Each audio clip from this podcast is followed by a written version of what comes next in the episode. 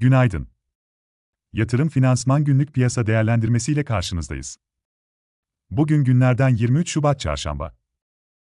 Amerika Birleşik Devletleri yönetimi, Rusya'nın Ukrayna'ya yönelik adımlarını işgal başlangıcı olarak tanımlarken, planlanan yaptırımların ilk bölümünü duyurdu.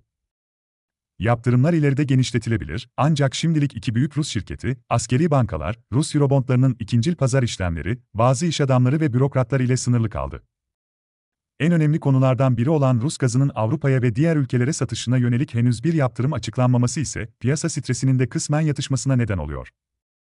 Buna karşın, Amerika Birleşik Devletleri Dışişleri Bakanı Blinken ve Rus Dışişleri Bakanı Lavrov'un yarın için planlanan görüşmesinin iptal edilmesi, kısa vadede diplomasi yoluyla çözüm arayışa dair beklentileri zayıflatıyor. Amerika Birleşik Devletleri'nin açıkladığı yaptırımlar sonrasında, bu sabah Amerika Birleşik Devletleri vadelileri pozitif bölgede, Asya'da da genel olarak alımlar görüyoruz.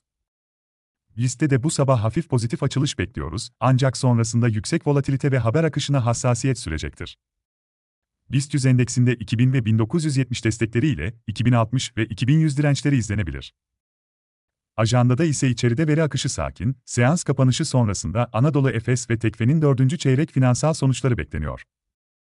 Dışarıda, Euro bölgesi Ocak ayı tüfe verisi öne çıkıyor. Yıllık tüfenin %5'ten %5,1'e yükselmesi ve Euro'ya geçiş sonrası en yüksek seviyelerde kalmaya devam etmesi bekleniyor. Amerika Birleşik Devletleri'nde ise haftalık mortgage başvuruları izlenecek.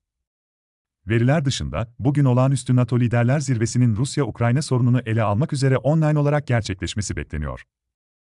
Yatırım finansman olarak bol kazançlı bir gün dileriz.